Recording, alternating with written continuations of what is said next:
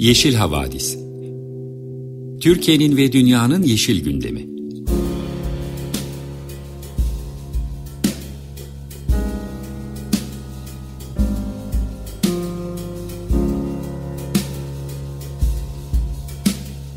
Hazırlayan ve sunanlar Selin Uğurtaş ve Arca Yılmaz.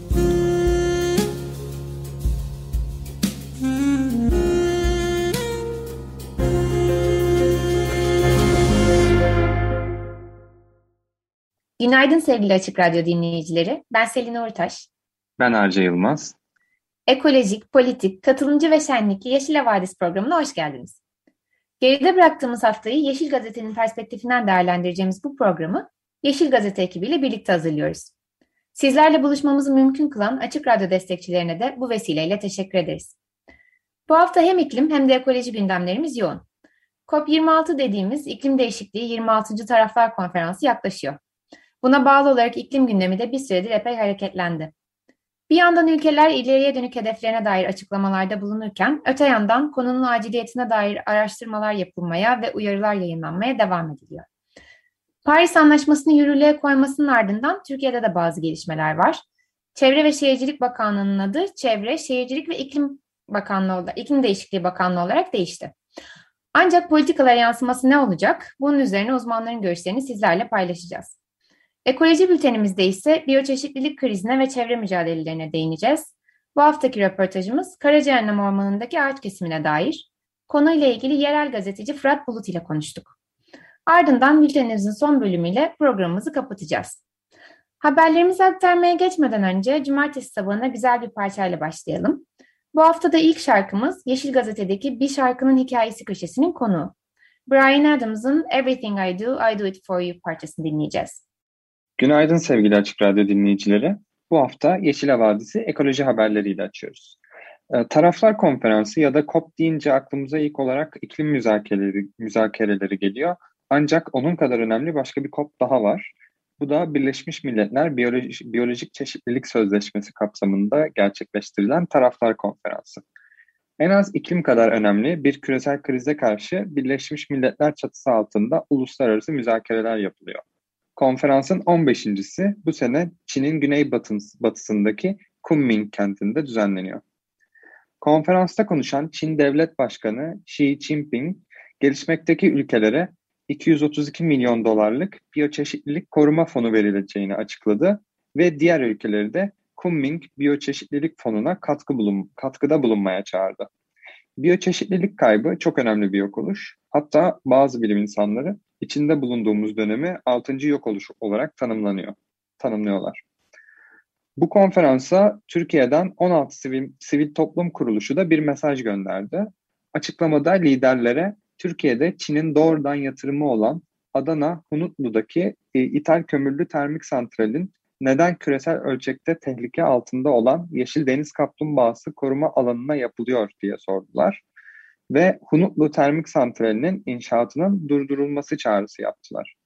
Ayrıca açıklamada Çin'in Adana'da Yeşil Deniz Kaplumbağası yuvalama alanına kömürlü, sant kömürlü termik santral inşa etmesinin ulusal ve uluslararası e, sözleşmelere de aykırı olduğu vurgulandı. Geçtiğimiz hafta Gök Gökçeada'daki Gökçeada'daki imarlaşma riskinden kısaca bahsetmiştik. Bölge Çevre ve Şehircilik Bakanlığı ya da yeni adıyla Çevre, Şehircilik ve İklim Değişikliği Bakanlığı tarafından konut gelişim alanı olarak belirlenmiş daha öncesinde. Geçtiğimiz haftalarda da belediye meclisinde imar planı bu doğrultuda onaylanmıştı.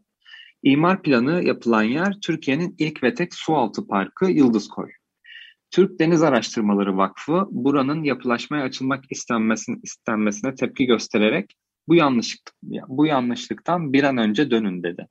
Ayrıca açıklamada konunun uzmanlarına danışılmadan imar planlanması sonucunda ortaya çıkacak olası zararlara ilişkin hiçbir çalışma yapılmadan Yıldız Koy için alınan bu karar geri dönüşü olmayan zararlara yol açacaktır ifadeleri de yer aldı.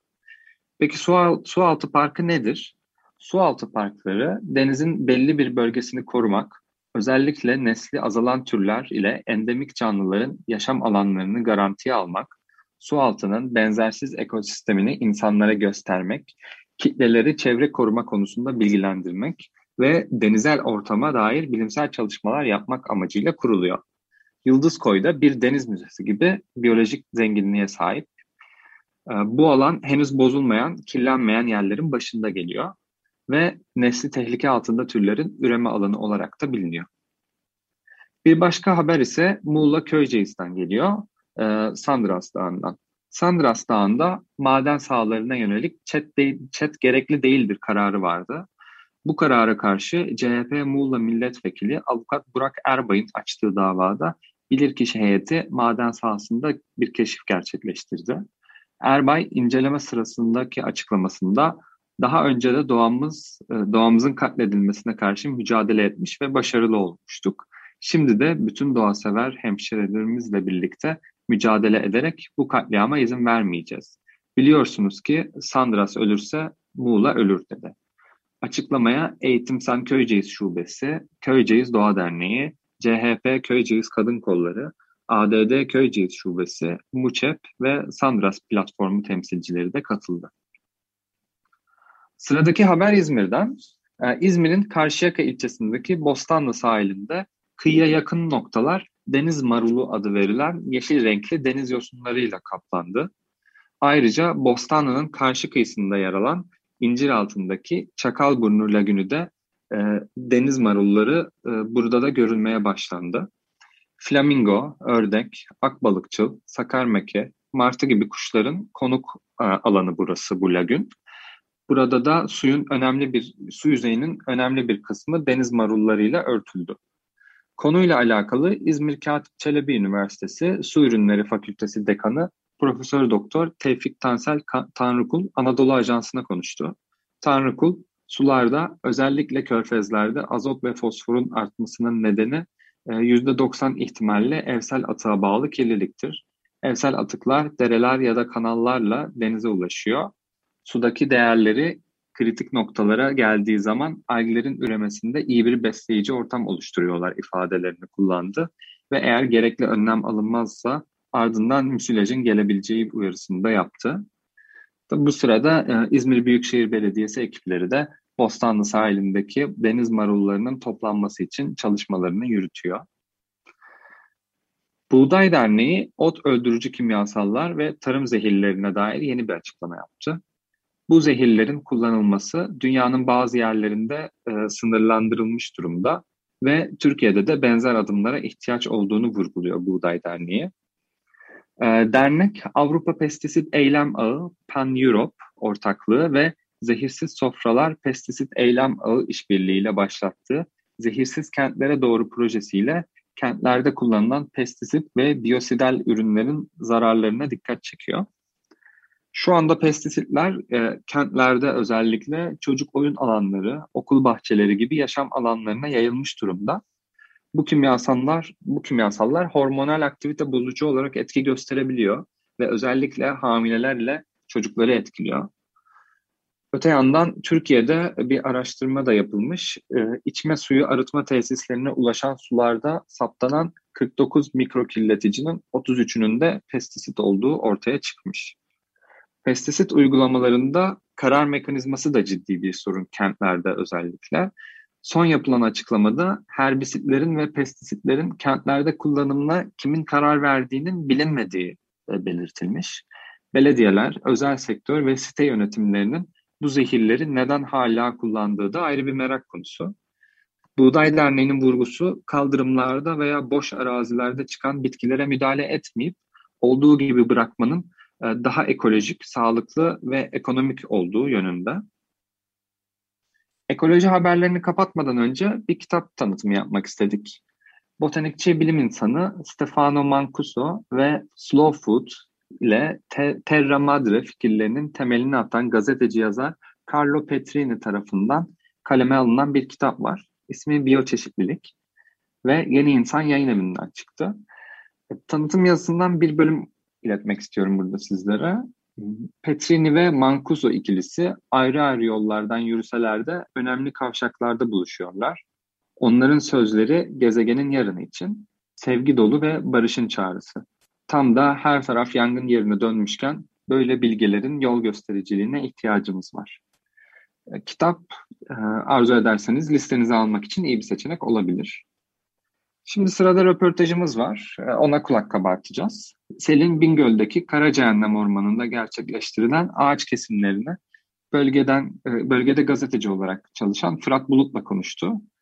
Ama ondan önce bir şarkı arası verelim. Can Kazaz'dan Kızıl Gerdan'ı akustik versiyonuyla dinleyeceğiz. Merhaba, 95.0 Açık Radyo'da Yeşil Havadisi dinliyorsunuz. Ben Selin. Sırada bu haftaki röportajımız var. Bugünkü konumuz yakın zamanda başlayan bir ekoloji mücadelesi. 6 Ekim'de Bingöl'ün Karlova ilçesindeki Karacehennem Ormanı'nda gizli kapaklı bir ağaç kesimi başladı ve yarı halkı bu konu hakkında oldukça tepkili. Sık meşe ağaçlarından oluşan bu ormanın 35 hektarlık bir bölümü, yani yaklaşık 50 futbol sahası büyüklüğünde orman, köylülerin ve sivil toplum kuruluşlarının protestolarına karşın kesiliyor. Karacahennem Ormanı sıklıkla güvenlik operasyonlarıyla gündeme gelen bir bölge. Ancak kesimin güvenlik amaçlı değil bir gençleştirme işlemi olduğu iddia ediliyor.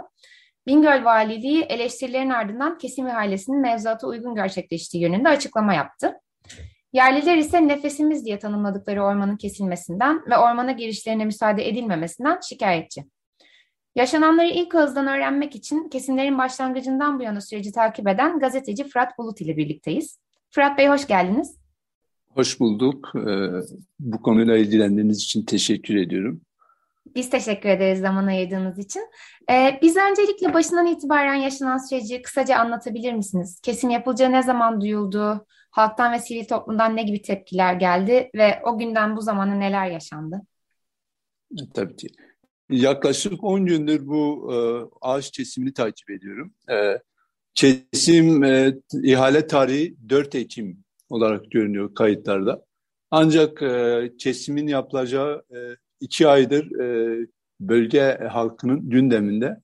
E, zira bu ağaç kesimine başlanmadan önce e, köy muhtarına bir yazı gönderiliyor. Ağaç kesimi yapılacağı e, bunun bilgisi sunuluyor ve köylülerin katılması isteniyor aslında ağaç kesimine. E, köylüler de bu yazıya karşılık biz ağaç kesilmesini istemiyoruz e, cevabı yazıyorlar. Bununla da yetinmeyip e, 16.09.2021 tarihinde e, resmi makamlara dilekçe veriyorlar. Köylüler kendi adına yaklaşık 50 köylü. Biz köyümüzde ağaç kesimi istemiyoruz. E, yapılacak olan ihaleden vazgeçilsin e, şeklinde bir dilekçe yazıyorlar. E, tabii e, orman işletme bu dilekçeyi dikkate almıyor. E, ihale süreci bir şekilde yapıyor. Aslında biz gazeteciler olarak ihaleyi EKAP'ta göremedik yani. E, daha sonra bu konuyu Orman İşletme Müdürlüğü'ne de sordum. Onlar e, ihalenin orman işletmenin sitesinde yer aldığını söylediler ama sitesinde de yer yoktu. E, sitesinde de e, yoktu ihale. Dolayısıyla ihalenin nasıl yapıldığı, e, kime verildiği bu konularda ciddi bir muğlaklık vardı. E, kamuoyundan oluşan tepkiden sonra e, ilginç bir şekilde sitelerine ihale örneğini koydular. 4 Ekim'de yapılan bir ihale e, yaklaşık 13 bin tane ağacın kesileceği öngörülüyor. 76 e, bin TL karşılığında. Yani tabii bu ihale süreci olur. İhale 5 Ekim'de onanmış. Ya buna bir itiraz süresi vardı. Nitekim köylüler itiraz da ettiler muhtarla birlikte. Ancak bu itiraz süreci beklenmeden 6 e, Ekim'de 6 Ekim sabahı e, ağaç kesimine başlandı. E, köylülerin bizim bilgimiz yok, haberimiz yok demesinin nedeni de şu. Çünkü yaklaşık iki aydır bu konu tartışılıyor. Hem köylüler hem bölge STK'ları yetkililerle görüşüp ihalenin geri çekilmesi yönünde görüşmeler gerçekleştirdiler. E, ve bu görüşler, görüşmelerin olumlu geçtiği de söyleniyor. O yüzden genel e, beklenti bu ihalenin iptal edilmesiydi. Ancak 6 Ekim sabahı dediğim gibi ormanlık alana girerek ağaç kesimi başladı. E, hızar sesleriyle ve bölgeye gelen araçların sesleriyle kesimden haberdar olan köylüler e, toplanıp şeye yürüdü. Ormanlık alana, kesim yapılan alana yürümek istedi. Ee, ancak bu e, köylüler korucu ve askerler tarafından engellendi. Ee, daha sonra köylülerle oradaki askeri yetkililer arasında görüşmeler oldu. Bu görüşmelerde köylülerin aktardığı net bir şey var. Ee, komutanın kendilerine kesimin güvenlik gerekçesiyle yapılacağını, bu konuda kendilerinin bir şey yapamayacağını, tek e, alanda bulunmalarının nedeni de müteahhit firma çalışanlarının güvenliğini sağlamak olduğu şeklinde karakol komutanının e, açıklamaları var köylülere yaptı. Ancak bütün bu açıklamalara rağmen Orman İşletme Müdürlüğü e, güvenlik kaygısıyla yapılmadığını söylüyor. Dolayısıyla burada bir şey var yani. E, burada bir gizleme var. Aslında e, başta güvenlik gerekçesiyle yapılacaktı. Ancak kamuoyunda oluşan tepkiden sonra gençleştirme dediler. E, ihale sürecini kısaca böyle anlatabilirim. E tabii ki köylüler e, ve muhtar ve diğerleri hiç kimse kesim yapılan alana giremediği için orada 12.367 tane ağacın mı kesildiği yoksa bir daha büyük bir alanın mı tahrip edildiği bilinmiyor. Yani yaklaşık 50 futbol sahasına tekabül eden bir alanda e, kesim yapılacağı e, planlanıyor. Ancak bugün e, 9. gün onlarca kamyon geçti ve hepsi de tonlarca e, kesilmiş ağaç yüklüydü. Ben odun demeyeceğim. Kesilmiş ağaç yüklüydü. E, maalesef bu da işte bölge halkının e, bölge halkını ve e, sivil toplum kuruluşlarını kaygılandıran e, hususlardan biri. Çok endişe verici gerçekten. Teşekkür ederiz bu kadar etraflıca paylaştığınız için durumu. Ee, Fırat Bey, bölgeye yabancı olanlar için biraz Karacahennem Ormanı'nın e, bölgedeki yerinden bahsedebilir misiniz? E, benim okuduğum kadarıyla bu ormanı çevreleyen üç köy var. E, bu köylülerin hayatında bu orman nasıl bir yer tutuyor? Bölge ekolojisi açısından nasıl bir yer tutuyor? E, ne büyüklükte bir alandan bahsediyoruz? Biraz hayal edebilmemiz için aktarabilirseniz çok sevinirim. Ya Kızılağaç, e, e, Kara Cehennem e, ormanlarının etrafında üç köy olduğunu yazmıştım. Ya bu aslında birebir biraz da ormanlık alanla iç içe geçmiş köyleri sadece söylemiştim. İşte Kızılağaç, Yiğitler e, köyleri, e, yine Çatak ve Meşeli mezraları. E, aslında bu o, bölgenin etrafında e, benim mesela şu an haritadan bile bakabildiğim kadarıyla 7-8 köy var. E, ancak bu ormanın sadece bu 7-8 köyle bir ilişkisi yok yani. Kara Cehennem ormanları e, biz yokken vardı. Ya bu bir taraftan işte Bingöl'ün su kaynaklarını besleyen bir orman. Diğer taraftan işte Elazığ ve Diyarbakır yönünden de yine su kaynaklarını e, besleyen bir havzaya sahip. Şimdi dolayısıyla Kara Cehennem ormanlarının kesilmesini sadece işte Kızılağaç, Yiğitler ve e, Meşeli köylülerinin bir sorunu olarak algılamak çok yanlış olur. Evet bu köylüler e, bu ormanın içinde doğdular. Bu orman üzerinden besleniyorlar. Hayvanlarını buradan otlatırlar kışlık odun ihtiyaçlarını buradan karşılar, karşılarlar. Ama bundan da öte ormanla sürekli bir e, yani orman üzerinden tanımlı, orman üzerinden e, önemsenen bir yaşamları var yani. Kendi yaşamlarını orman üzerinden e, tanımlıyorlar. Dolayısıyla sizin bu ormanları kesmeniz, bu ağaçları kesmeniz, bu köylülerin e, yaşamını kesmeniz demektir. Zaten e, geçmişte bu bölgedeki e, kesimler güvenlik adı altında yapılıyordu. Ancak bugün işte güvenlik sorunsallığından bahsedeme, bahsedemedikleri için ülkeyi yönetenler e, gençleştirme diyorlar yani. Dün güvenlik adı altında bu bölgede ağaç kesenler, ormanların yanmasına göz yumanlar, bugün gençleştirme adı altında e, rantçılar ile işbirlikçilerin ortaya çıkardığı odun ticaretine e, göz yumuyorlar, imkan sunuyorlar. E, bu alanı e, pazarlıyorlar. Bu böyledir. E, konunun kesinlikle güvenlikle bir alakası yoktur aslında.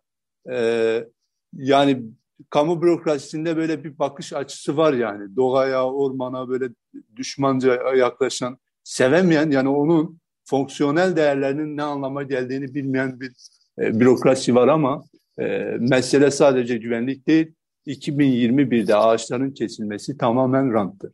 Ya biraz daha bu köylüler babında değerlendirmek gerekirse Özellikle işte ben Meşeli ve Çataklı köyleri, köylüleriyle konuştum. Ya bu köylüler her ağacın e, altında bir anılarının, bir hatıralarının olduğunu söylüyorlar. Ve bu e, köylüler 40 yıl boyunca burada yaşamış bu köylüler yani benim görüşebildiklerim 40 yaşında olduğu için öyle diyorlar. 40 yaşına kadar biz burada yaşamışız. Biz bile e, bir ağaç kesmeye kıyamamışken e, kışlık odun ihtiyacımızı karşılamak için bir e, kamyon kestiğimizde vicdan azabı çekerken e, bugün ağaçlarımızın, ormanlarımızın e, müteahhitlere peşkeş çekilmesini kabul etmiyoruz diyorlar. E, özellikle kadınların bu konuda e, ciddi bir e, tepkisi var. E, çünkü dediğim gibi ağaç, ağacı kendi çocuğu, kendi yaşamı gibi gören e, bir anlayış var. E, şunu da belirteyim, e, kadınlardan biri şöyle demişti. Erkeklerin ormana ve ağaca bakış açısı ranttır ve odundur. Ama biz kadınlar öyle bakmıyoruz. Orman bizim yaşamımızdır, ağaç bizim çocuğumuzdur gibi bir e, cümle kurmuştu. E, bu da ormanın bu insanların hayatında, bu köylülerin hayatındaki e, önemini iyi ifade eder diye düşünüyorum. E, tabii sadece bu köyler dışında değil, yani burada e, özellikle Kara Cehennem'in e, şu e, e, yani tarihselliği açısından bir şeyler söylemek istiyorum. Bu orman 10 yılda, 20 yılda, 100 yılda oluşan bir orman değil yani. Ya bu orman e, çok e, çok tarihi çok gerilere giden bir orman. Dolayısıyla bu ormanın aslında milli park ilan edilip, anıt orman ilan edilip e, korunması gerekirken e, ne yazık ki işte gençleştirme ve iyileştirme adı altında e, kesilmek isteniyor. E, Bingöl'ün orman varlığı e, yüzde 28.4 e, yani bu yüzde 28.4 sürekli işte yangınlarla, e, kesimlerle e, sürekli yok ediliyor. E, bütün bunlar işin en ilginç yanı da bütün bunlar Paris İklim Anlaşması'nı imzaladığımız gün gerçekleşiyor. Yani 7 Ekim'de ağaç kesimi yapılıyordu. E peki bir taraftan işte Paris İklim Anlaşması imzalanırken ve Milli Güvenlik Kurulu'nda iklim krizi değerlendirilirken Bingöl'de ağaç kesimine başlanmasının akılla, mantıkla izah edilebilecek bir yanı yok maalesef. Gerçekten oldukça çelişkili bir durum söz konusu. Biz de Paris Anlaşması'nı e, burada kutlarken e, Bingöl'de kesim başlamış demek ki. Kadın mücadelesine özellikle değindiğiniz için de e, teşekkür ederim. Ben de okurken çok etkilenmiştim e, paylaştığınız alıntılardan. E, buradan e, son olarak size bundan sonraki süreci sormak istiyorum. Kadınların bu meseleyi çok sahiplendiğinden bahsettiniz. E, bu alanın korunması gereken bir alan olduğundan bahsettiniz. E, bölge halkının bundan sonraki e, mücadele planı nedir? Bir sonraki adım nedir? Burada kesimler devam ederse nasıl bir... E... Benim e, röportaj yaptığım kadınlar eğer kesim durdurulmazsa, e, kesim devam ederse biz kadınlar toplanıp e, gidip o ağaçlara gerekirse kendimizi bağlayacağız. E, bizi öldürsünler ama kara cehennemlere kara cehenneme dokunmasınlar demişti. E, bu anlamda köylülerin de arayışı var. E, dün e, işte bölge e, STK'larından bir açıklama geldi. Yani daha doğrusu bu köy derneklerinin oluşturduğu platformlar. Kayder öncülüğünde 86 sivil toplum kuruluşu açıklama yaparak orman kesiminin durdurulmasını istediler. Köylülerin ağaç kesimine dair görebildikleri tek şey kesilip kamyonlara koyulan odunlar. Dolayısıyla böyle olunca yıllardır bu ormanla iç içe yaşamış insanlar doğal olarak kaygılı. Bunun için bütün kamuoyuna çağrıları var. Biz de iletmiş olalım. Ee, bundan sonra da e, arayış içerisinde olacaklar. Gerek milletvekilleriyle görüşme, gerek resmi yetkililerle görüşme, gerekse de kesim durdurulmazsa tekrar ormanlık alana gitme gibi bir eğilimleri ben e, eğilimlerini gördüm.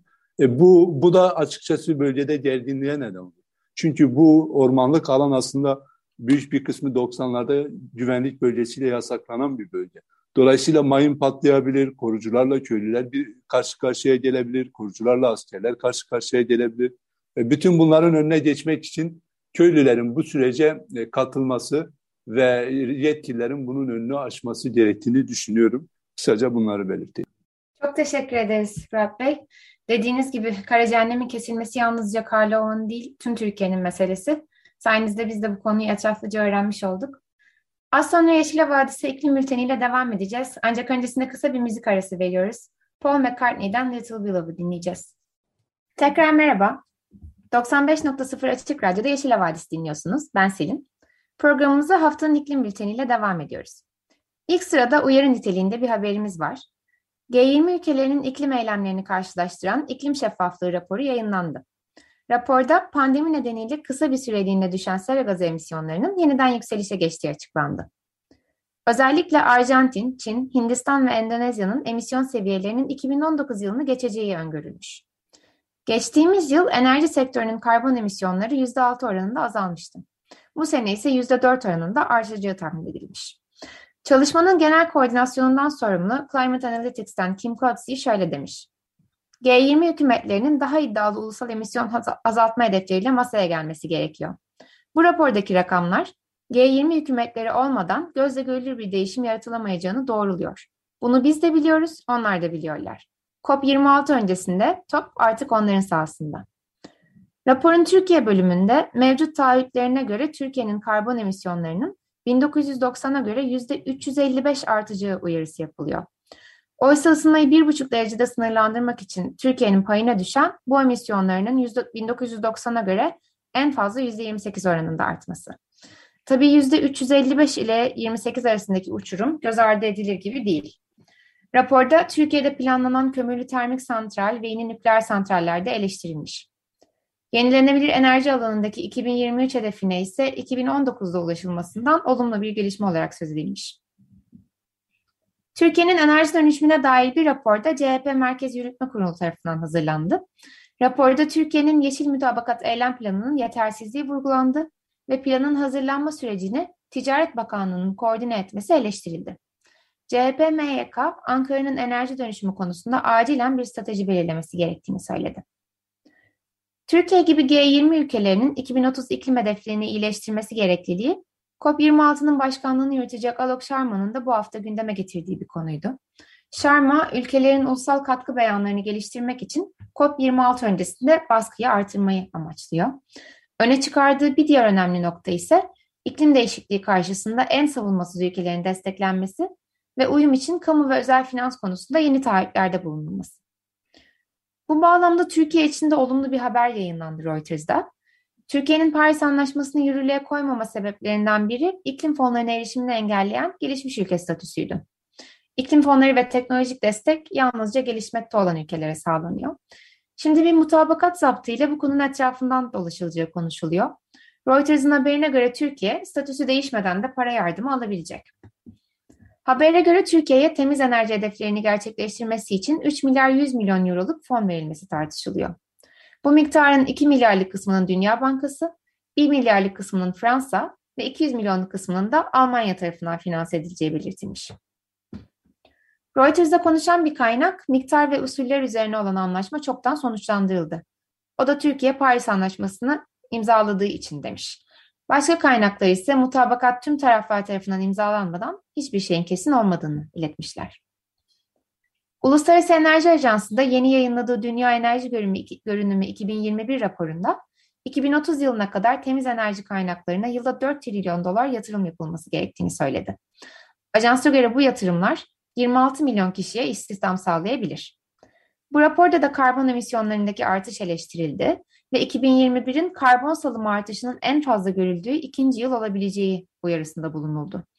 Raporun mevcut politikalar senaryosuna göre ülkelerin bugüne kadar uyguladığı önlemlerle küresel sıcaklık artışının 2100'de 2.6 dereceyi bulacağı tahmin ediliyor. Eğer ki ülkeler mevcut taahhütlerine uyarlarsa ısınma 2.1 dereceye ulaşacak ve yine 1.5 derece hedefinin epey üzerinde olacak. Bu taahhütler konusunda bu hafta Fransa'da önemli bir gelişme yaşandı. Paris İdare Mahkemesi 3 Şubat'ta bir karar vermişti ve iklim konusundaki taahhütlerini yerine getirmediği gerekçesiyle devletten şikayetçi olan 4 sivil toplum kuruluşunu haklı bulmuştu. Mahkeme devletten taahhütlerini yerine getirmemesinin neden olduğu hasarları yıl sonuna kadar telafi etmesini ve bundan sonra taahhütlere uymasını istedi. Benzer bir şikayet e, Greta Thunberg'in de dahil olduğu 15 çocuk ve genç tarafından Türkiye, Almanya, Fransa, Brezilya ve Arjantin hakkında yapılmıştı. Bu beş ülke iklim krizine karşı yeterli önlem almayarak Birleşmiş Milletler Çocuk Hakları Sözleşmesi'ni ihlal etmekle suçlanmıştı. Birleşmiş Milletler Çocuk Hakları Komitesi bu şikayeti karara bağladı ve gençlerin önce ülke mahkemelerine başvurmaları gerektiğine hükmetti. Bu ulusal taahhütler konusunda olumlu sayılabilecek bir haber ise Rusya'dan geldi.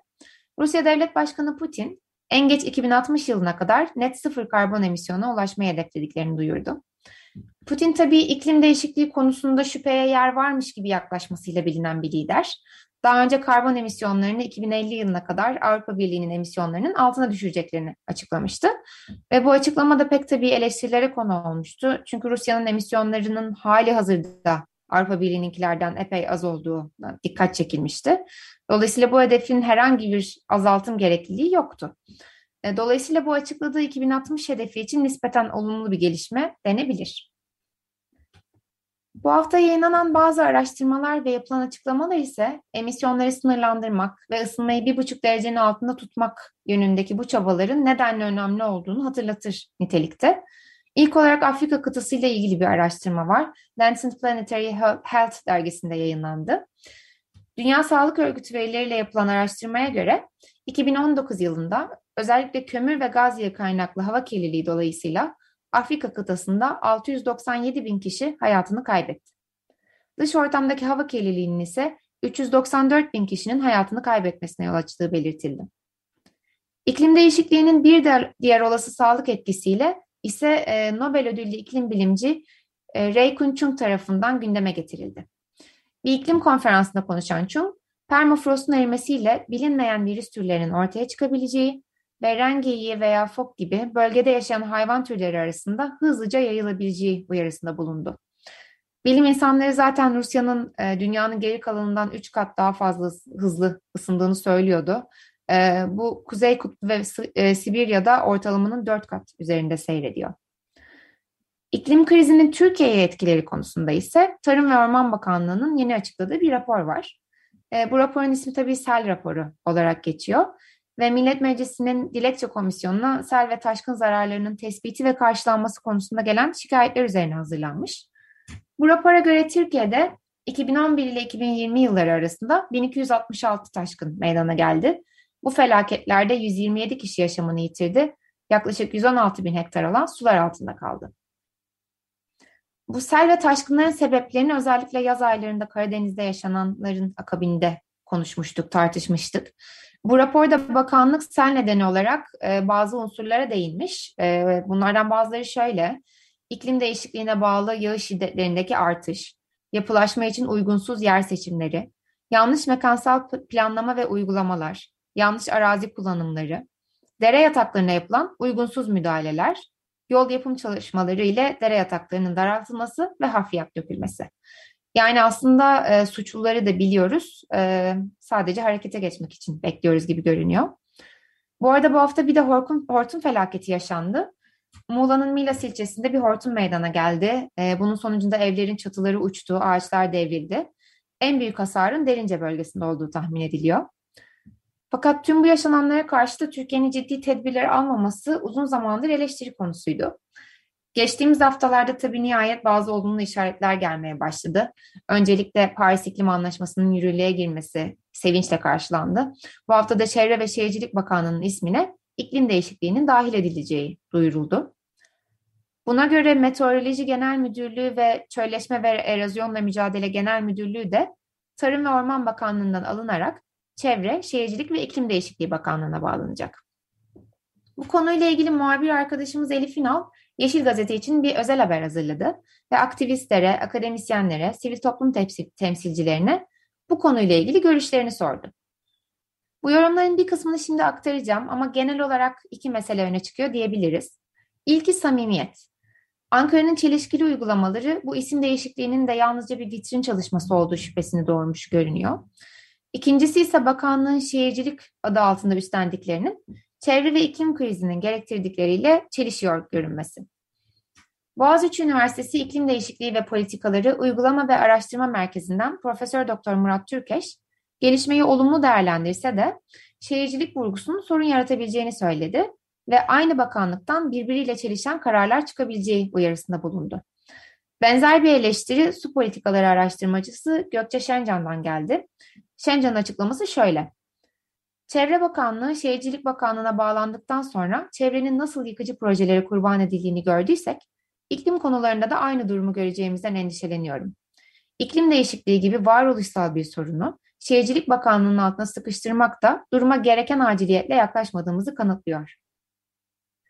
İstanbul Politikalar Merkezi kıdemli uzmanı ve iklim değişikliği çalışmaları koordinatörü Ümit Şahin, bu gelişmeyi kamuoyunu ikna etme hedefli bir adım olarak yorumladı.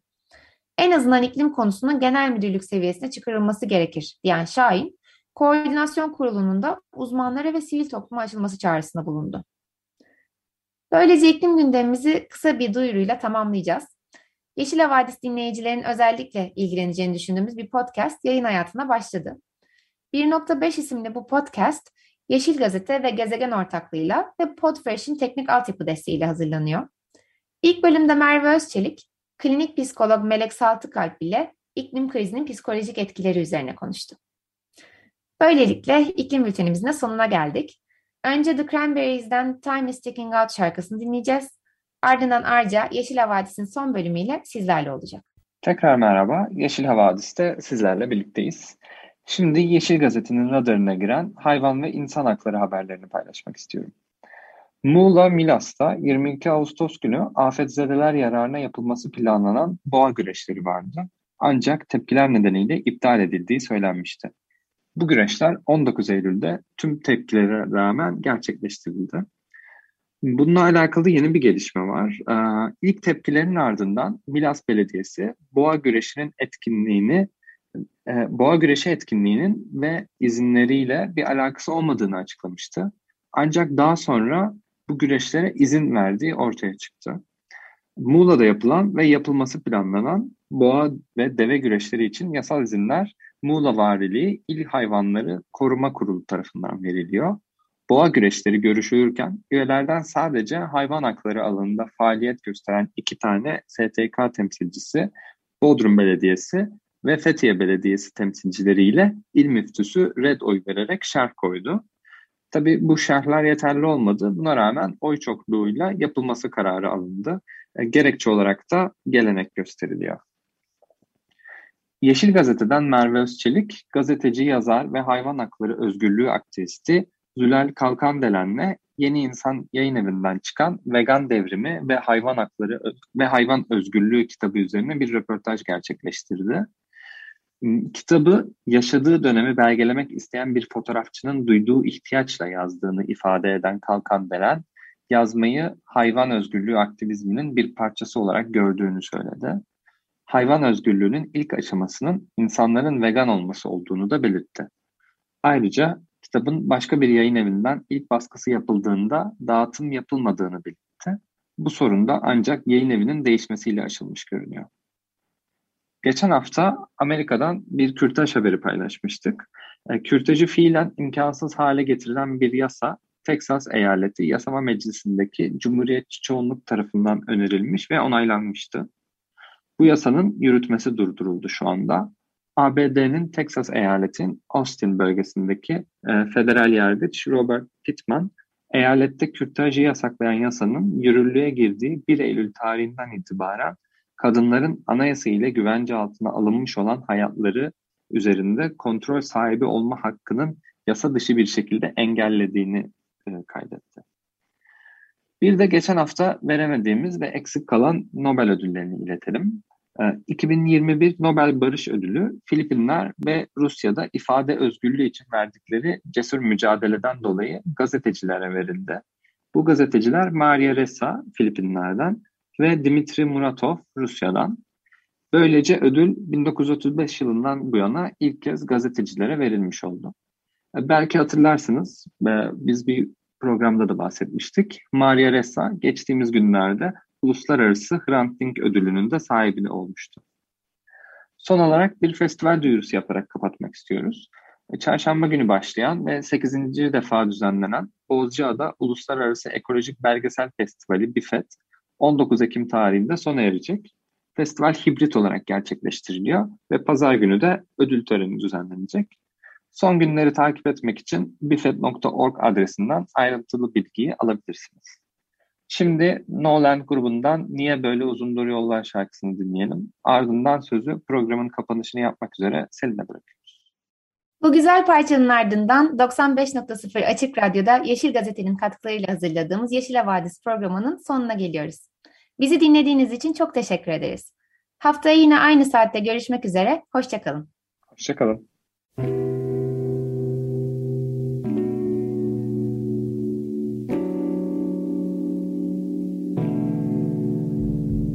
Yeşil Havadis Türkiye'nin ve dünyanın yeşil gündemi